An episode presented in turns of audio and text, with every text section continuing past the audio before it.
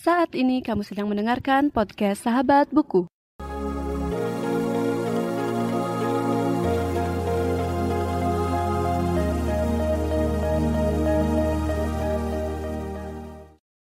Halo semuanya dan selamat datang kembali di podcast Sahabat Buku. Bagi kamu yang baru pertama kali mendengarkan podcast ini, podcast Sahabat Buku adalah sebuah podcast yang membahas review buku dan pengalamanku saat membaca buku. Di episode kali ini, aku akan membahas sebuah buku berjudul Toxic Relationship yang merupakan karya dari Diana Mayorita yang diterbitkan oleh penerbit Ea Books. Buku ini bertema psikologi dan bisa dibaca oleh remaja dan dewasa untuk umur lebih dari 15 tahun. Dan jumlah halaman dari buku ini sekitar 166 halaman yang terbagi menjadi 6 bab. Buku ini membahas bagaimana sindrom gadis baik menjebak seseorang dalam hubungan tidak baik. Buku ini membahas tentang nice girl syndrome atau sindrom gadis baik melalui ilustrasi cerita dengan dua orang tokoh bernama Dodi dan Nita. Jadi Nita ini awalnya adalah seorang gadis yang aktif dalam kegiatan kampus dan semenjak dia berpacaran dengan Dodi, Nita mulai berubah dan menjadi orang yang, pemurung. Dan di sisi lain, Dodi adalah seorang cowok yang bersikap kasar, namun Nita selalu mengalah dan ingin menyenangkan Dodi. Nah, cerita di awal buku ini mengingatkan aku tentang film yaitu The Story of Kale, di mana film ini menceritakan tentang hubungan toksik atau hubungan tidak baik antara uh, Dinda yaitu tokoh utamanya dan Kale dan juga dengan um, pacar dari Dinda yang sebelumnya.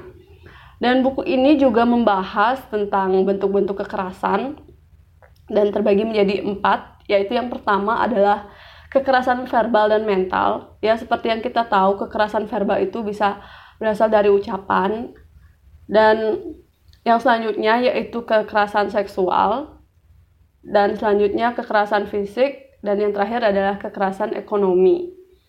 Dan untuk mengetahui bentuk-bentuk kekerasan ini, kita bisa mengenalinya dari gejala-gejala yang ditimbulkan. Dan selain itu, kita bisa mengenali kekerasan itu dari pelaku kekerasan itu sendiri dan kita juga harus mengetahui bagaimana pola kekerasan itu bisa terjadi.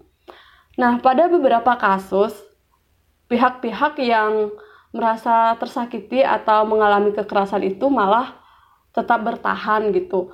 Dan di buku ini disebutkan sebagai istilahnya sunk fallacy, yaitu orang-orang yang bertahan dan berharap pada perubahan. Nah, di sini pun diceritakan seperti ilustrasi di awal buku tadi, yaitu tentang Dodi dan Nita, di mana Nita itu uh, selalu bertahan gitu walaupun dia terus-terusan gitu disakitin sama Dodi. Dan Nita selalu berharap bahwa Dodi ini akan berubah suatu saat nanti gitu. Padahal perubahan yang dia impi-impikan itu bisa aja nggak terjadi dan bahkan merugikan dirinya sendiri gitu. Dan ada beberapa hal yang juga dibahas yaitu tentang bagaimana cara melepaskan diri dari hubungan yang tidak sehat atau toksik. Di buku ini disebutkan ada beberapa cara yaitu yang pertama dengan bernegosiasi, yang selanjutnya dengan berani mengambil keputusan, dan yang selanjutnya adalah reconnect, lalu stop berasumsi dan pencarian jati diri atau self discovery. Nah, selain hal-hal yang aku sebutkan tadi, buku ini juga membahas tentang hubungan koresponden, korespondensi paradoks, ambivalensi, manipulatif, dan obsesif. Dan untuk selengkapnya, kamu bisa membaca sendiri bukunya. Dan aku juga ingin um, memberikan pendapat tentang buku ini. Dan sebelum itu, kamu bisa mengikuti podcast Sahabat Buku di Instagram at podcast sahabat buku dan Twitter at sahabat buku underscore. Selain review buku, podcast ini juga membahas tiga segmen lain, yaitu pembacaan karya sastra, bincang buku, dan sharing opini mengenai membaca dan literasi. Dan selanjutnya, aku akan membahas tentang pendapat pribadi aku tentang buku ini.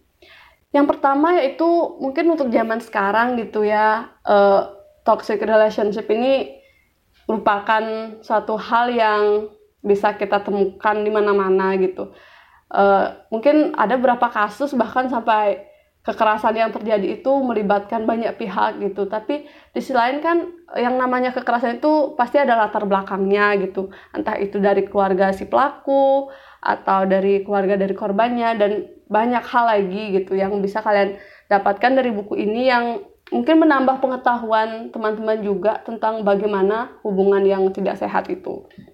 Dan yang selanjutnya, aku akan membahas tentang bagian-bagian menarik dari buku ini mungkin sebenarnya kalau aku pribadi ya bisa bilang dari judulnya aja sebenarnya udah menarik karena membahas tentang uh, hubungan yang tidak sehat gitu antar pasangan gitu ya. Karena kalau aku pribadi pernah uh, melihat gitu uh, melihat teman-temanku yang memiliki hubungan yang tidak sehat itu. Jadi aku sendiri pas baca bukunya merasa gimana ya kayak aku tuh belajar gitu dari buku ini dan dari pengalaman teman-teman aku gitu bahwa emang hubungan yang tidak sehat itu bisa menjebak siapa saja. Bahkan eh, orang-orang yang awalnya terlihat ceria gitu bisa langsung jadi orang yang pendiam dan tertutup sama orang lain gitu.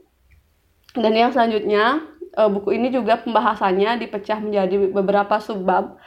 Kan uh, sebelumnya aku sempat mention kalau buku ini terdiri dari 6 bab tapi ada sebab-sebab gitu yang membuat uh, buku ini lebih mudah dimengerti gitu. Jadi kita bisa membacanya dari satu bagian ke bagian lain uh, tidak terlalu padat gitu. Jadi lebih bisa uh, dimengerti. Dan yang selanjutnya yaitu self reflection dan latihan di akhir bab sangat membantu pembaca untuk mengetahui lebih lanjut bagaimana hubungan pembaca dengan pasangan. Jadi kayak kita tuh langsung latihan gitu kan habis belajar langsung latihan dan merefleksikan diri tentang hubungan kita sendiri dengan pasangan kita. Nah, dan selain itu juga ada satu halaman yang khusus untuk kutipan penting. Jadi mungkin untuk teman-teman yang sudah baca, uh, terus juga pengen inget-inget lagi gitu beberapa bagian penting bisa baca bagian-bagian kutipannya.